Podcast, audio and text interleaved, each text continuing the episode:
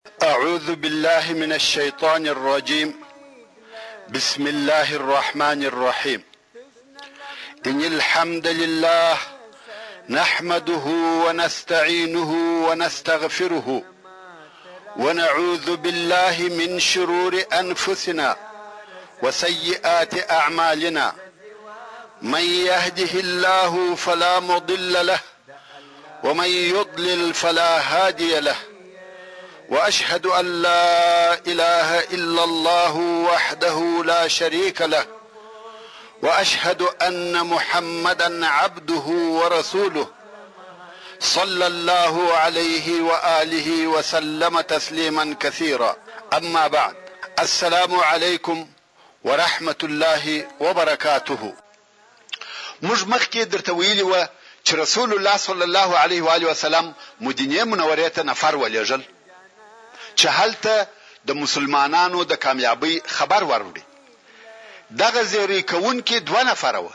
چې یو یې عبدالله ابن رواحه رضی الله تعالی عنه و چې په مدینه منوره کې د عالیه یعنی لوړ طرف اهل خبر کې او بل یې زید ابن حارثه رغدی الله تعالی عنه وو چې د مدینې منورې د کښته طرف اهل خبر کې دغه دوه نفره د رسول الله صلی الله علیه و آله وسلم پر اوښه سپاره دي په مدینه منوره کې ګرځي او د فتح او کامیابی زیری بیانوي مګر د دوی دغه د زیری د بیانولو طریقه د عادت څخه مخالفه وه هغه دا چې کوم وخت چې دوی مدینې منورې ته ورسېده نارې وهي ابوجهل ووژل سو عتبه ووژل سو شیبه ووژل سو فلانی فلانی فلانی د خلقو نومونه یادوي ووژل سوه د مکې مکرمې د مشرکانو ټول سرداران یادوي اول خو دا معقوله نه ده چې ټوله دې وژل سوي وي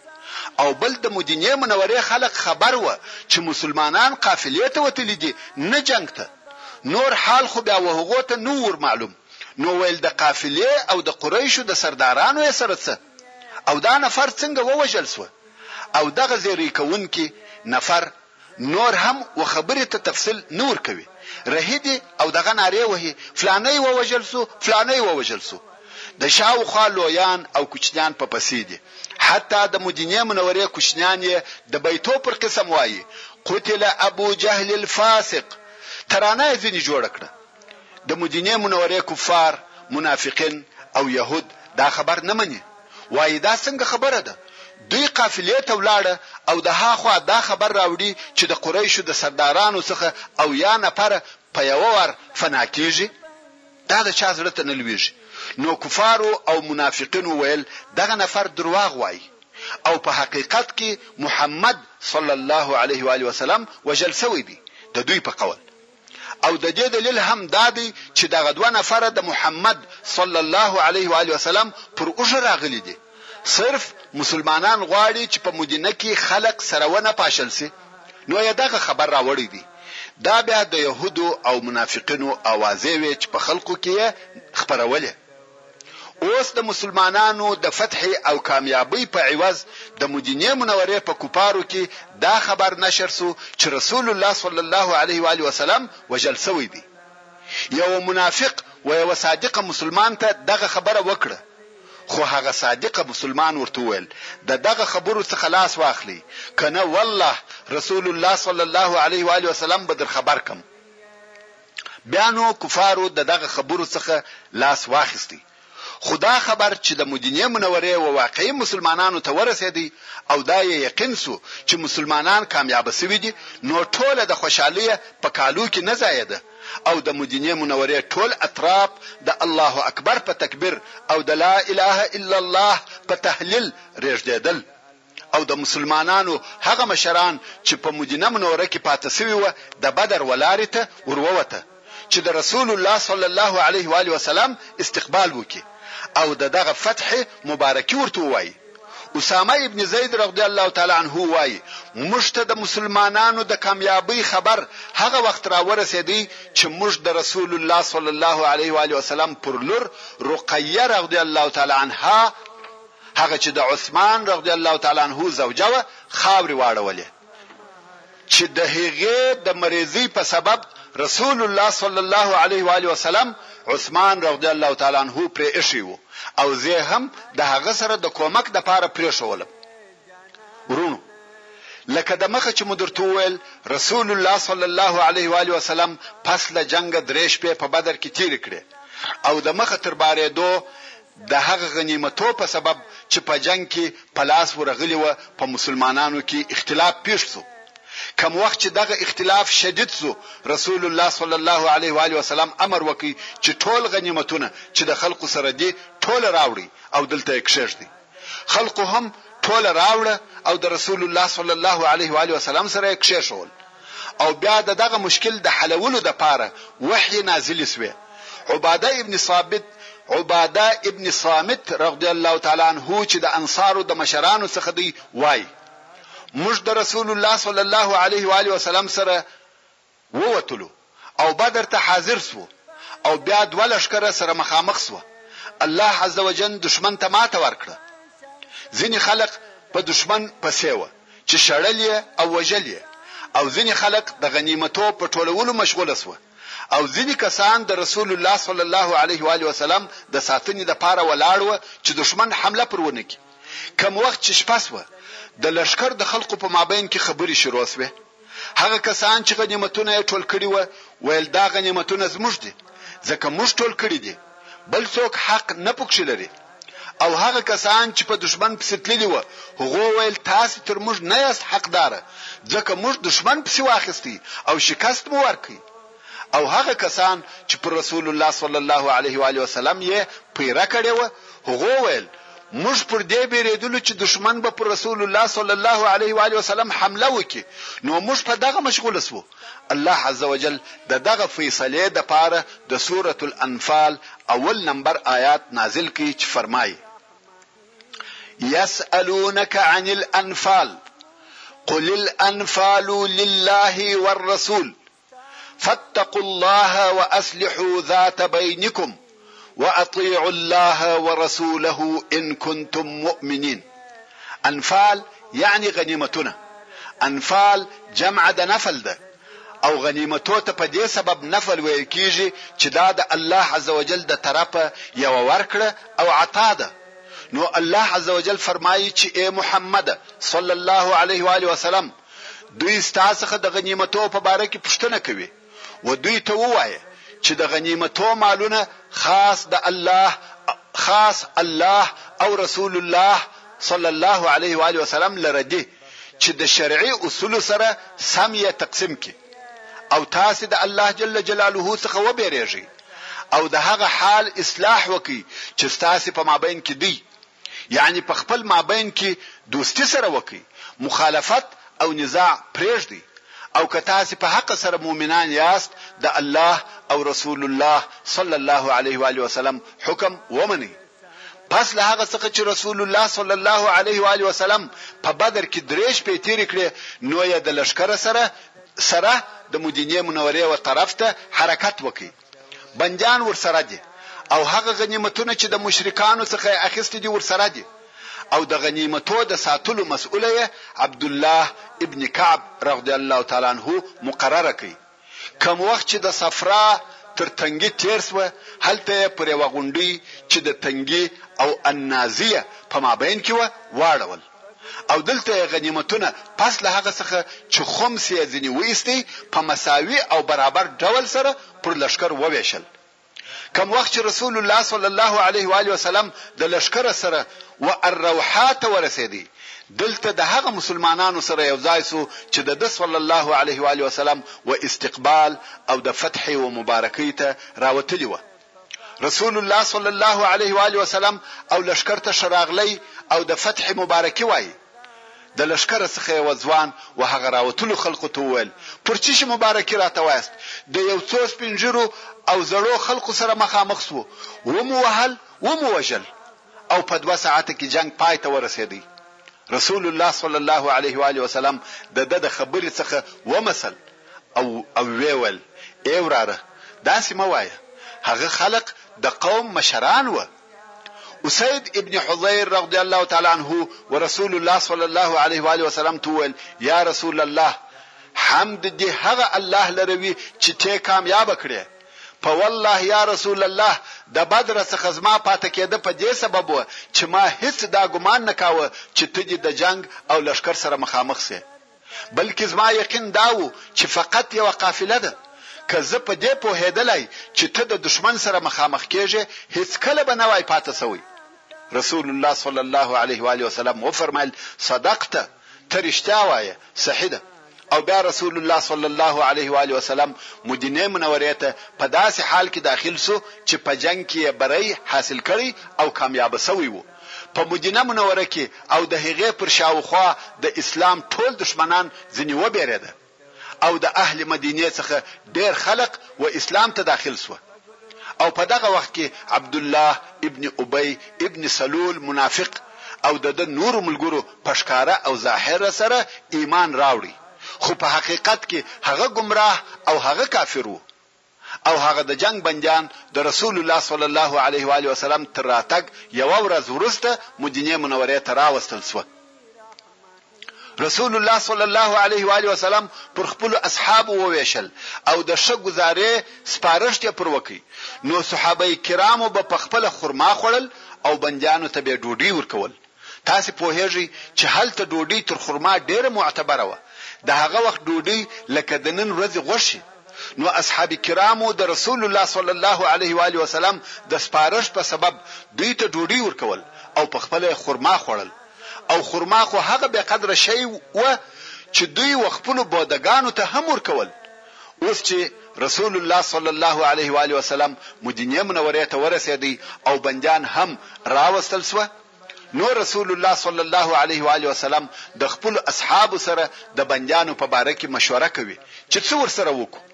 ابوبکر صدیق رضی الله تعالی عنه ویل یا رسول الله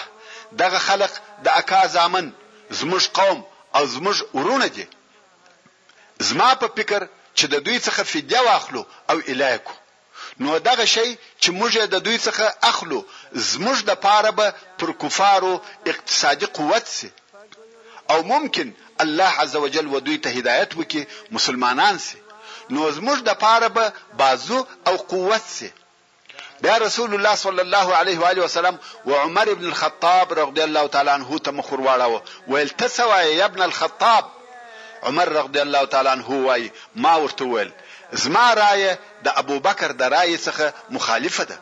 زه بیا وایم چې ما ته اجازه راکه چې د فلاني غاړه ورپرې کم د خپلو اقرباو څخه د یوه نوم یاد کړي چې مشرک او په دغه بندیانو کې وو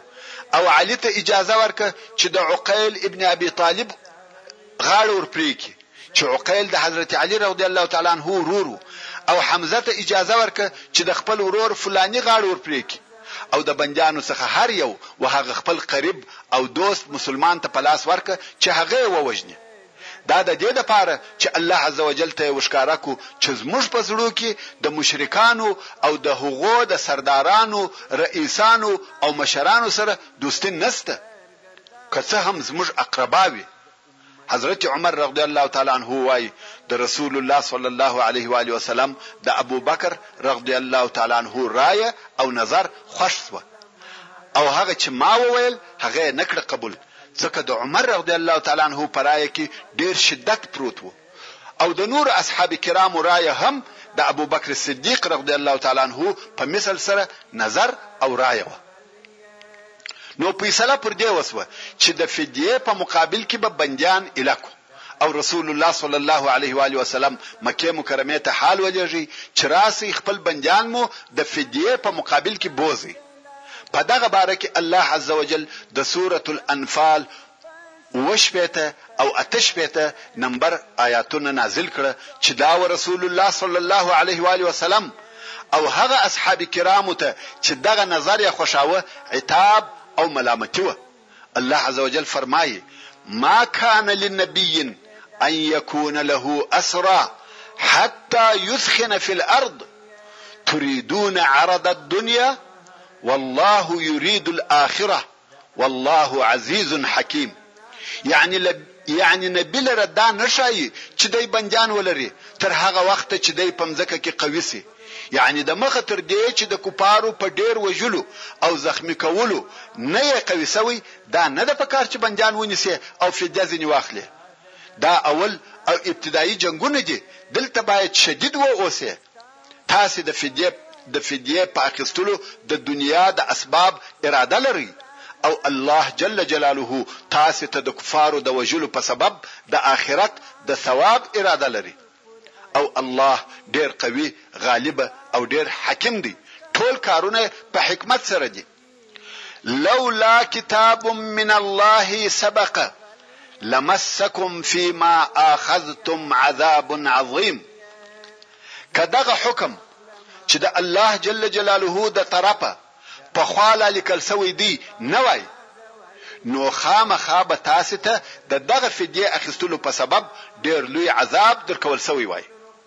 د دغه آیاتو تر نزول وروسته رسول الله صلی الله علیه و آله وسلم ناست وو او ژړل یې. ابوبکر صدیق رضی الله تعالی عنه راغلی ویې لیده چې رسول الله صلی الله علیه و آله وسلم ژاړي، د رسول الله صلی الله علیه و آله وسلم څخه یې د هغه د ژړا د سبب پوښتنه وکړه، رسول الله صلی الله علیه و آله وسلم دغه آیات شریف ورته تلاوت کړ. هغه هم ورسره په ژړا شو، ځکه دا د هغه نظر هم و چې فدیه دې واخیستل شي. عمر رضی الله تعالی عنه وايي، شپه تېره شوه او په سهار کې ورسول الله صلی الله علیه و آله وسلم ته ورغلم، که ګورم دوی دواړه ناست دي او ژاړي. ما ورته وویل، یا رسول الله! خبر مې که، ته او ستا ملګری پر څه شي ژاړئ؟ که داسې کار و چې په ما پورې یې هم تعلق درلود، زه به هم وژاړم او که په ما پورې تعلق نه درلودی ستاسې د ژړا دپاره به درسره وژاړم. رسول الله صلی الله علیه وآله وسلم وفرمایل، زموږ د ژړا سبب هغه د فدیې د اخیستلو رایه ده چې ستا ملګرو راته وویل او ماته د دوی عذاب تر دغه درختې نیزدې راښکاره شو، هلته نیزدې یوه درخته وه، رسول الله صلی الله علیه وآله وسلم وهغې ته اشاره وکړه. او دا چې الله عز وجل فرمایي لولا کتاب من الله سبق یعنی که د الله عز وجل د طرفه د مخه د فدیه حکم نه وای لیکل سوی نو دغه د فدیه حکم د مخه چیرې لیکل سوی وو هغه د سورت محمد په څلرم نمبر آیات کې دی چې الله عزوجل فرمایي فاما منن بعد و اما فداء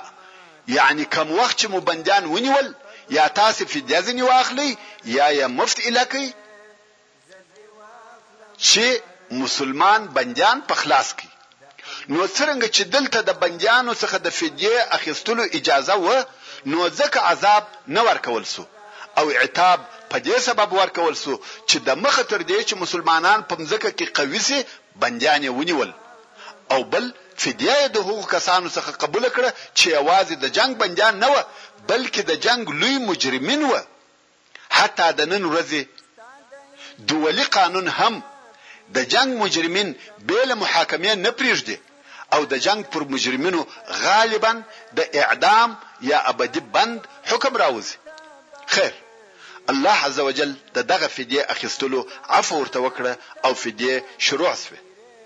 او د یوه بندي فدیه څلور زره درهمه وه، درې زره درهمه هم وه، حتی زر درهمه هم وه، د بندي و حال ته کتل کېده او اهل مکه د لیک او لوست خاوندان وه یعنې باسواده وه او د اهل مدینې لیک او لوست نه و زده. نو هر هغه بندي چې فدیه یې نه درلوده و هغه ته به د مدینې منورې د هلکانو څخه لس هلکان ورکول شوه چې لیکل او لوستل ورزده کړي، کوم وخت چې بې لیک او لوست ورزده کړه دغه یې فدیه وه او بندي بې پرېښاوه او رسول الله صلی الله علیه و آله وسلم د څو بندیانو سره احسان هم وکړ چې بې له فدیې ایله کړه چې د هغې جملې څخه یو مطلب ابن حنطب و. او بل صيفي ابن ابي رفاعه وو، هغه ويل، زه په مکه مکرمه کي مال لرم، تاسي ما پرېږدئ چي مکې مکرمې ته ولاړ سم، وعده ده چي خپله فديه به درته رالېږم. نو رسول الله صلی الله علیه وآله وسلم دی پرېښاوه چي ولاړ سي. د دغه نفر بله قصه هم سته چي په وروسته کي به درته راسي. دغه رنګه يو بل نفر چي ابو عزه الجمحي ورته ویل کېده چې د لوڼو پلار وو، مال او پیسه یې هم نه درلوده، غریب سړی وو، دغه نفر هم رسول الله صلی الله علیه و آله وسلم بې له فدیې پرېښاوه او ده هم د رسول الله صلی الله علیه و آله وسلم سره وعده وکړه چې هیڅ وخت به د رسول الله صلی الله علیه و آله وسلم پر ضد په جنګ کې اشتراک نه کوي. مګر د خپلې وعدې څخه یې مخالفت وکړ او د مسلمانانو پر ضد یې په بل جنګ کې اشتراک وکړ او بیا په بندیانو کې ونیول شو. کوم وخت چې یې رسول الله صلی الله علیه و آله وسلم ته راوست نو ده ویل، که ته دا وار ما اله کړې، وعده درسره کوم چې بل وار به ستاسې پر ضد په جنګ کې ګډون نه کوم. مګر رسول الله صلی الله علیه وآله وسلم هغه خپل مشهور قول ورته ووایه، لا یلدغ المؤمن من جحر مرتین، یعنی مؤمن د یوه غاره څخه دوه واره نه وهل کیږي، نو یې ابو عزه ووژی. او ابو العاص چې د رسول الله صلی الله علیه و آله وسلم زوم او د زینب رضی الله تعالی عنها خاوند وو، بې له فدیې یې په دې شرط پرېښاوه چې زینب رضی الله عنها ته به د هجرت اجازه ورکوي، چې دغه قصه به لږ وروسته په تفصیل سره درته بیان کړو. اوس نو فدیې شروع شوې. هر یو د مشرکانو څخه د خپل دوست او قریب په بدله کې فدیه رالیږي او هغه بندي یې خلاصیږي بې له ابو سفیان څخه چې په خپله د ده زوی هم په بندیانو کې وو ځکه ابو سفیان امر کړی وو چې څوک به فدیه نه لیږي چې د مسلمانانو نوره طمعه پیدا کیږي مګر چا د ابو سفیان خبره ونه منل که څه هم په اول او شروع کې خلکو یو څه صبر وکړ فدیه یې نه لېږل خو اخر مجبوره شوه، اولادونه او اقربا یې و، نور یې صبر نه شوای کولای، هر یوه خپل بندي په فدیه خلاصاوه. مګر ابو سفیان هغه خپله خبره په خپله نه شوای ماتولای، نو یې انتظار کاوه،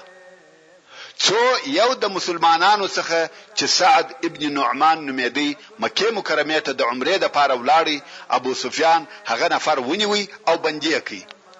د عربو په تاریخ کې اول عمره کوونکی دی چې بندي کېږي.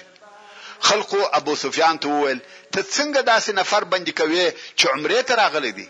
که خلق ستا په دغه عمل خبر شي بیا څوک حج او عمرې ته نه راځي. ابو سفیان ویل که څه هم خلق حج ته نه راځي خو زه تر هغو نه ایله کوم چې زما زوی را ایله نه کړي نو رسول الله صلی الله علیه و آله وسلم امر وکړي چې د ابو سفیان زوی د دغه مسلمان په بدله کې ور ایله کړي ورونو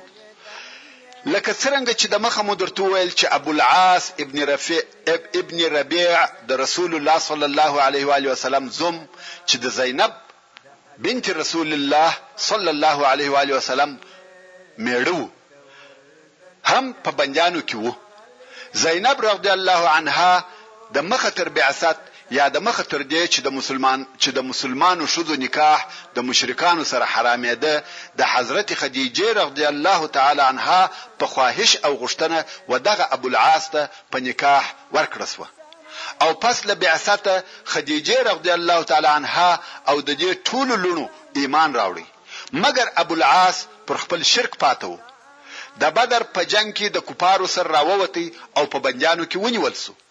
څرنګه چې ابوالعاص داسې څوک نه درلوده چې دده فدیه ورکړي او زینب رضی الله تعالی عنها هم مال او پیسې نه لري چې دده د فدیې لپاره یې ولیږي نو یې د خپلې مور خدیجې رضی الله تعالی عنها چې تر هجرت دمخه وفات شوې وه، یو امیل یا د غاړې هار ورسره پروت و، چې ودې ته یې ددې د واده په شپه ورکړی و، نو یې هغه امیل د یو څه نور مال سره ورسول الله صلی الله علیه وآله وسلم ته ورولېږی، چې دا یې د ابوالعاص فدیه. رسول الله صلی الله علیه و آله وسلم چې دغه امیل ولیدی خدیجه رضی الله تعالی عنها یې ورپیا سوه او ویې ژړل هغه ښځه یې ورپیا سوه چې د ده صلی الله علیه و آله وسلم سره کومکونه کړي وه د ده علیه الصلاة وسلام سره یې پنځه ویشت کاله ژوند او فداکارۍ کړې وې نو یې صحابه کرامو ته وویل که مو خوښه وي چې د زینب بندي ور ایله کړئ او مال یې هم بیرته ورکړئ ښه به وي صحابه کرامو د رسول الله صلی الله علیه و آله وسلم د عزت او احترام په سبب ابوالعاص اله کړ او هغه مال یې هم بیرته ورسره ورکړ. دا چې رسول الله صلی الله علیه و آله وسلم ابوالعاص بې له فدیې اله کړ نو ابوالعاص دا پر ځان لازمه کړه چې زینب رضی الله تعالی عنها باید پریږدم چې هجرت وکړي. مدینې منورې او خپل پلار ته ورسي. کوم وخت چې ابوالعاص مکې مکرمې ته ورسېدی، رسول الله صلی الله علیه و آله وسلم زید بن الحارثه او یو بل نفر د انصارو و مکې مکرمې ته ولېږل چې زینب رضی الله تعالی عنها راولي او دوی تې وویل چې تاسې به په یعجج کې اوسئ، یعجج د یوه ځای نوم دی. چه اته میله د مکې مکرمې څخه لیرې دی نو ویل تاسی په یعجج کی اوسی ترڅو زینب رغضی الله تعالی عنها درته راولی او بیا یې دلته راولی نو دوی دوه هم رهی سوه او دا رهی کیدل یې تقریبا یوه میاشت تر بدر وروسته وه او هغه ځای ته ورسیده چه ورته ویل سوی وه. ابوالعاص چې د مدینې منورې څخه مکې مکرمې ته ورسېدی، زینب رضی الله تعالی عنها ته یې اجازه ورکړه چې د خپل پلار و طرف ته هجرت وکړي او زینب رضی الله تعالی عنها هم د خپل کار په سمولو شروع وکړه. په دغه وخت کې هند چې د ابوسفیان ښځه وه او د هغه عتبه لور وه چې په بدر کې وژل شوی و، ورته راغله. او ورته ویل یې، یا بنت محمد صلی الله علیه و آله وسلم! خبره شوم چې ستا اراده ده چې د خپل پلار و خوا ته ولاړه شې. زینب رضی الله تعالی عنها وبېرېده چې را وبه مې ګرځوي، نو منکره شوه. هند ورته ویل، ای د اکا لورې! مه منکره کېږه، هغه د نرانو اختلاف او جنګونه د ښځو مابین ته نه راځي، هغه د هغو کار دی. خو که ته په دغه سفر کې و پیسو یا کوم سامان ته ضرورت لرې راته ووایه چې در پوره یې کړم. زما سره شته؟ زینب رضی الله تعالی عنها وایي چې دې دغه خبرې په رښتیا کولې خو زه بېرېدم او د دې څخه منکره وم چې مدینې منورې ته ځم. کوم وخت چې زینب رضی الله تعالی عنها د سامان د برابرولو څخه فارغه شوه نو کنانه ابن ربیع چې د دې لېور و، اوښ یې راوست او دا یې پر سپره کړه، خپل غشی او لیندۍ یې ورسره واخیسته او په سپینه ورځ یې دا رهي کړه. قریش په دې قصه خبر شوه او پسې راووته، په ذی طوا کې چې د یوه ځای نوم دی، پسې ورسېده. اول هغه څوک چې و زینب رضی الله تعالی عنها ته وردمخه شو، هغه حبار ابن الاسود وو. او پر زینب رضی الله تعالی عنها یې نیزه پورته کړه، دا وبیریده او د ډیرې بیرې څخه هغه کوچنی چې ددې په نس کې وو ولویدی. کنانه ابن ربیع اوښ چوکی، غشی او لیندۍ یې واخیسته، ویل، والله چې هر یو رانږدې شی مګر دغه غشی د هغه په نس کې وي. قريش ځنې وګرځېده، خو ابو سفيان د خبرو دپاره وردمخه شو، ويل دا دې ښه کار ونه کړ، چې ښځه دې په سپينه ورځ د خلقو په حضور را ويسته او تا ته هغه زموږ غم او مصيبت هم در معلوم دي، چې د محمد صلی الله علیه وآله وسلم د لاسه راته پېښ دي، خلق به وايي چې لور يې موږ زموږ د ضعف په سبب ور ولېږل، نو دا زموږ لپاره پېغور دی او د دې راګرځول موږ ته کومه فایده هم نه رارسوي، مګر ته داسې وکړه چې ښځه بېرته مکې مکرمې ته راوله چې خلق ووايي هغه دی موږ بېرته ښځه راوګرځول، بیا یې بېرته د شپې بوځه او پلار تې وروله. کنانه هم بېرته راوګرځېدی او زینب رضی الله تعالی عنها څو شپې په مکه مکرمه کې تېرې کړې او بیا یې یوه شپه د شپې ویسته څو زید ابن الحارثه او د هغه ملګري انصاري تې ور تسلیم کړه او هغو بیا مدینې منورې ته بوتله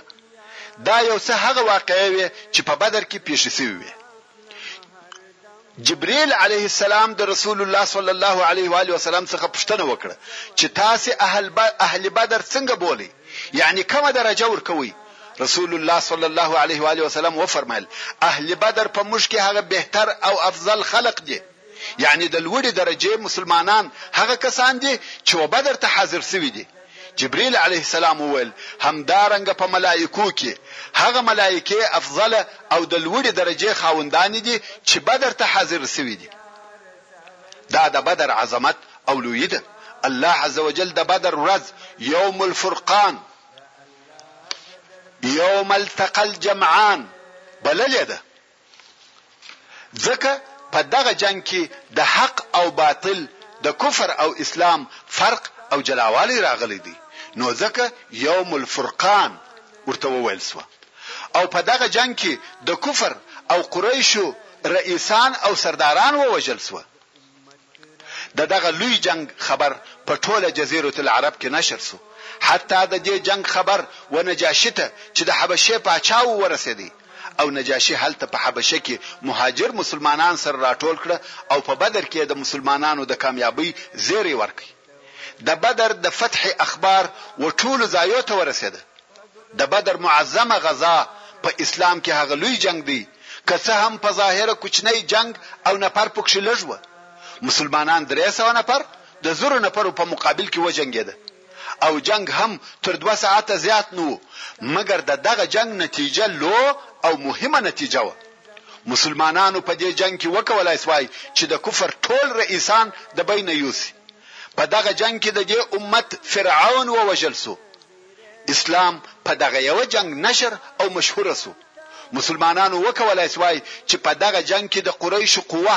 هغه چې په جزیرة العرب کې لوی او مهم طاقت وو، د بینه یوسي. دا د اسلام د نشرولو لپاره لوی اعلان وو ځکه د عربو ساداتو او مشرانو شکست وخوړی دغه جنګ د اسلام لپاره لوی دعوت وو په پخوا کې رسول الله صلی الله علیه و آله وسلم و یوه نامعلوم قوت ته خلک دعوتول مګر اوس د اسلام قوت او طاقت ټولو ته ښکاره او معلوم شو قریشو ته شکست ورکړ نو دا په خپله نسبت و پخوانیو دعوتو ته لوی دعوت او بلنه شوه. مسئله که څه هم ساده او کوچنۍ وه مګر آثار او نتایج یې ډېر لوی وه. د سورة الانفال ډېر آیاتونه د بدر د جنګ په باره کې نازل شوي دي. دغه سورت پر دغه جنګ الهي تبصره ده. دغه تبصره د هغه تبصرو څخه ډېره مخالفه ده. ډېره مخالفه ده، کوم چې پاچهان یا قومندانان یې پس له فتحې او کامیابۍ څخه پر خپلو جنګو کوي. اولا الله عز وجل د مسلمانانو نظر و هغه تقصیراتو او اخلاقي کمبودتیاوو ته ورواړاوه کوم چې تر اوسه په دوی کې پاته وې. او ځینې یې هم د ځینو مسلمانانو څخه پېښې شوې، نو هلته داسې آیاتونه نازل شوه چې دوی د خپلو ځانو په پوره والي او د اخلاقو په پوره ښه والي کې کوښښ وکړي چې د دغه کمبوتیاوو څخه خلاص شي او بیا یې هغه حالات بیان کړه چې په دغه فتحه کې د مسلمانانو سره الهي تائید، کومک او نصرت ورسره وو، دا د پاره د دې چې دوی په خپل شجاعت او پهلوانۍ مغروره نه شي. او په زړو کې غرور او کبریا ځای ونه نیسي بلکې پر الله جل جلاله به توکل کوي او د الله او رسول الله صلی الله علیه و آله وسلم به اطاعت کوي او بیا یې هغه لوړ هدف او مقصد ورته بیان کړي کم چې د هغه هدف د پاره رسول الله صلی الله علیه و آله وسلم دغه خونړۍ جګړه وکړه او هغه صفات او اخلاق یې ور وښوول چې هغه په جنګو او معرکو کې د فتح او کامیابۍ سبب ګرځي او بیا الله عزوجل مشرکانو، منافقانو، یهودو او د جنګ بندیانو ته خطاب کوي، بلیغ او فصیح داسې کامل نصیحت ورته کوي، چې دوی باید و حق ته تسلیم شي او د حق متابعت وکړي او بیا الله عزوجل و مسلمانانو ته د غنیمتو په باره کې خطاب کوي او و دوی ته او و دوی ته یې د دغه مسئلې په متعلق قوانین او اصول کښېښول چې دا مسئله یې د همیش دپاره منظمه کړه. او بیا الله عز وجل د مسلمانانو دپاره د جنګ او صلح قوانین کښېښول، ځکه اوس چې اسلامي دعوت دغه د جنګو مرحلې ته داخل شو نو و دغه قوانینو ته اشد ضرورت وو، د پاره د دې چې د مسلمانانو جنګونه یا اسلامي جنګونه هغه د اهل جاهلیت د جنګو څخه فرق ولري چې مسلمانان په اخلاص او اخلاقو په جنګي معامله کې تر نورو تفوق او بهتري ولري. او و جهان ته دا ور وښيي چې اسلام فقط یو فکري او نظري شی نه دی، بلکې اسلام خپل متابعین پر هغه اساساتو، مبادیو او تعالیمو تربیه کوي چې و هغه ته یې ور بولي. په دغه سورة الانفال کې د اسلامي دولت د قانون داسې مادې مقرره شوې چې د هغه مسلمانانو چې د اسلامي دولت په داخل کې اوسېږي، د هغه مسلمانانو سره چې د اسلامي دولت څخه د باندې اوسېږي فرق یې معلوماوه او ثابتاوه. یعنې د دواړو طبقو د ژوند د حالاتو پوره مراعت پکښې شوی و، چې دغه ذکر شوي مفاهیم تقریباً د جنګ او د هغه د قوانینو دپاره د سورة الانفال خلاصه بلل کېدلای شي. لکه څرنګه چې دمخه مو درته وویل په دغه دوهم کال کې د هجرت د رمضان د میاشتې روژه فرض شوه. او زکات الفطر یا د کوچني اختر سرسایه فرض شوه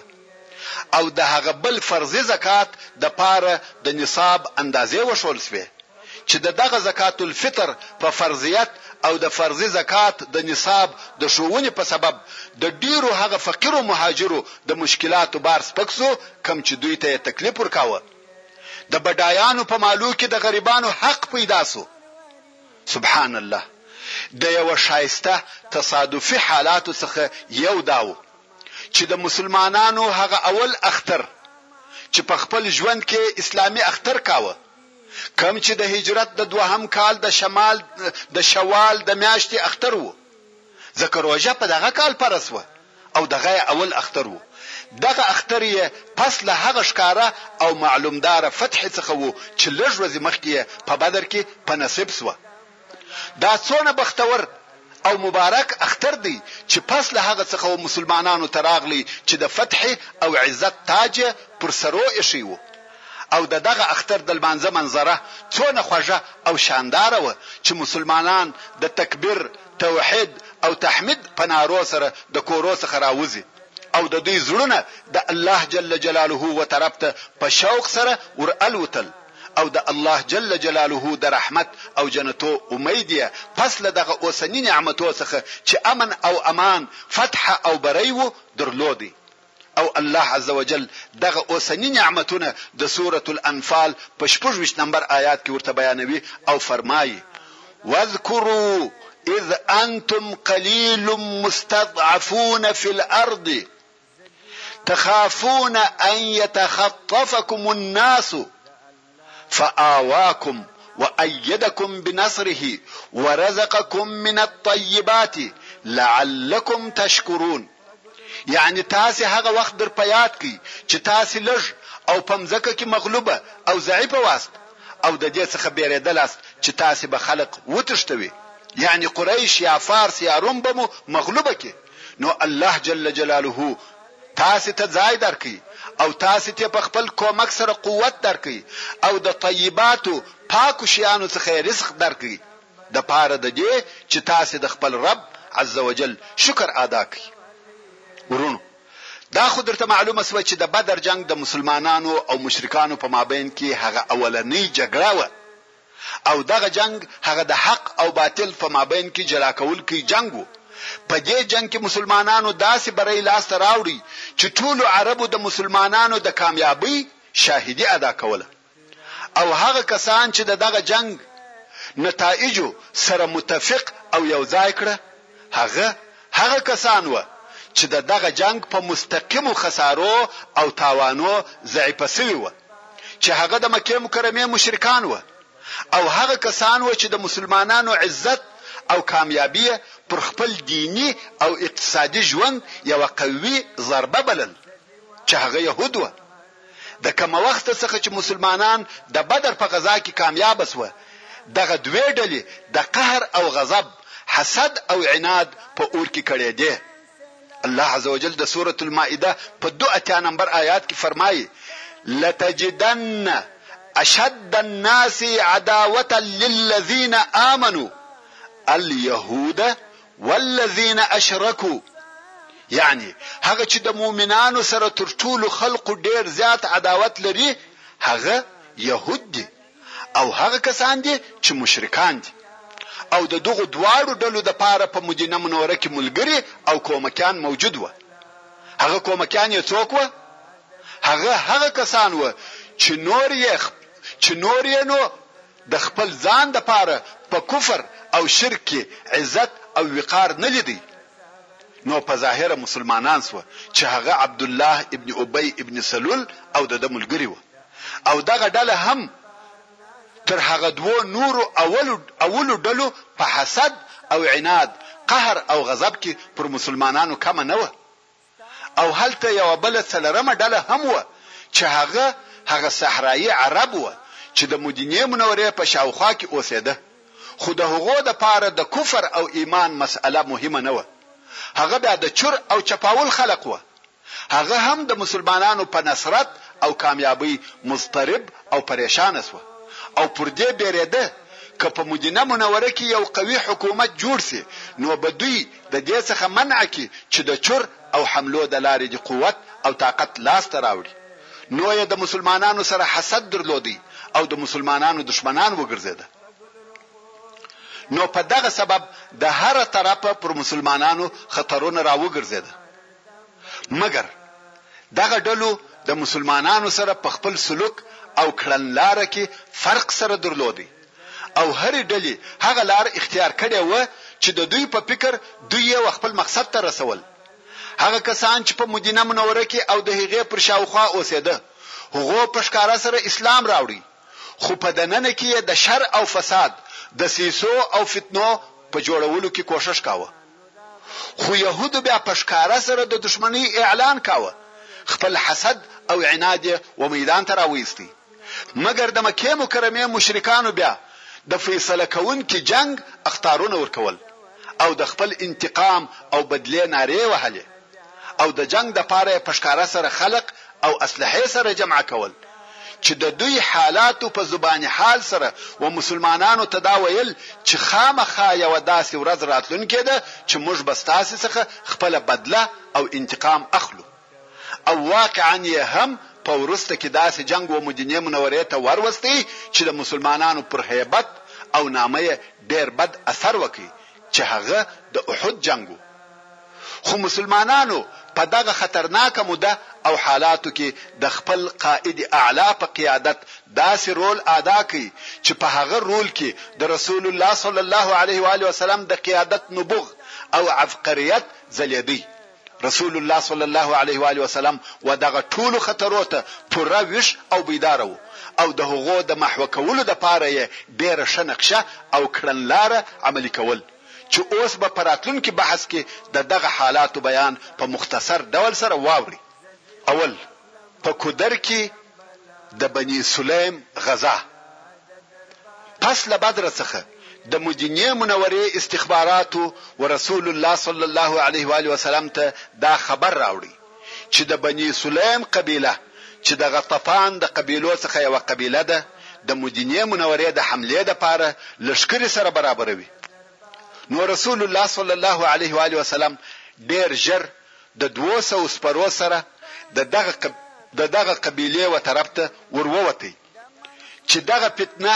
په هغه خپله ځالګۍ کی خاموشه کی تر څو چی د دغه قبیلې و کورو ته چی په کودر کی پراته وه ور ورسیدی بنو سلیم ته چی دا خبر ورسیدی د خپلو کورو څخه وتښتیده او هلته په یوه شیله کی پنځه سوه اوښه او یو مریی چی یسار نومیدی ځینی پاته سوه. دغه اوښان او دغه نفر مسلمانانو ونیول، پس له هغه څخه چې د اوښانو څخه یې خمس وایست، پاته اوښان یې پر مسلمانانو تقسیم کړه، چې و هر نفر ته دوه دوه اوښه ور ورسېدل او هغه مریی یې آزاد او ایله کړ. رسول الله صلی الله علیه و آله وسلم په دغه ځای کې درې شپې تېرې کړې او بیا بیرته مدینې منورې ته ولاړ. دغه غزا د هجرت په دوهم کال او د شوال په میاشت کې وه چې دا غزا تر بدر اووه ورځې وروسته وه. د رسول الله صلی الله علیه و آله وسلم د ترورولو یا وژلو دسیسه، وروڼو! دا معلومه خبره ده کوم وخت چې مشرکانو په بدر کې ماته وخوړه او ډېر مشران یې ووژل شوه نو د مکې مکرمې مشرکان لکه د اور کره د رسول الله صلی الله علیه و آله وسلم پر ضد په خپلو ځانو کې سره ایشېده، تر څو چې د مکې مکرمې دوو پهلوانانو داسې یوه دسیسه جوړه کړه چې د دغه اختلاف او تفرقې، د دغه ذلت او سپکاوي ریښه د بېخه وکاږي. او دغه ریښه د دوی په فکر رسول الله صلی الله علیه و آله وسلم وو قصه داسې ده عمیر ابن وهب الجمحي چې د قریشو د شیطانانو څخه بلل کېدی چې رسول الله صلی الله علیه و آله وسلم او د دو مکرمو اصحابو ته په مکه مکرمه کې ډېر آزارونه ورکول اوس د دغه عمر زوی د بدر په بندیانو کې د مسلمانانو سره بندي دي او بل صفوان ابن امیه ابن خلف چې پلار او ورور یې په بدر کې وژل شوي دي. دغه دوه نفره د کعبې شریفې په حجر یا حتم کې سره ناست دي او خبرې سره کوي. اول یې هغه کسان یاد کړه چې د بدر په جنګ کې وژل شوي وه او بیا مسلمانانو وسات ور واچول او بیا یې د مکې مکرمې د خلقو غمونه سره بیانول تر څو چې صفوان وویل والله پس له دوی څخه په ژوند کې خوند او خیر نسته. عمير وويل، رښتيا وايې؟ په والله که پر ما پورونه نه وای باندې او پر دغه کوچنيو اولادو نه بېرېدلای چې تر ما وروسته به خوار او دربدره شي، زه به دغه اوس د محمد صلی الله عليه وآله وسلم پر طرف د هغه د وژلو دپاره ورهي شوی وای. او زه د ورتلو لپاره بهانه هم لرم ځکه زما زوی د دوی سره بندي دی. صفوان موقع مناسبه ولیده او غواړي چې د لاسه یې ونه وځي. ویل ستا پور یې پر ما، زه یې ادا کوم او اولادونه دې زما د اولادو سره یو ځای کوم، هر څه چې مې په وسه پوره وي په والله هغه نه ځینې منع کوم عمير ويل، دغه خبره د ځانه سره وساته چې څوک نه شي په خبر، په خبر. صفوان ويل، بېغمه اوسه. عمير ولاړ، خپله توره يې ښه تېره او په زهرو زهرناکه کړه. هغه داسې چې توره بې ګرمه کړه او په زهرو کې بې کښېښول. د زهرو اوبه بې په وچښلې چې د دغه تورې زخم بيا نه جوړېدی. دا د هغه وخت زهرناکه يا کيميايي اسلحه وه. او بیا مخ پر مدینه منوره رهي شو ترڅو هلته د مسجد د دروازې سره یې خپله اوښه چوکه کړه او دی ځنې راکښته شو. محترمو وروڼو پاته قصه به په راتلونکې کې واورئ ان شاء الله تعالی وما توفیقی الا بالله وصلی الله تعالی علی خیر خلقه محمد وآله واصحابه واهل بیته اجمعین.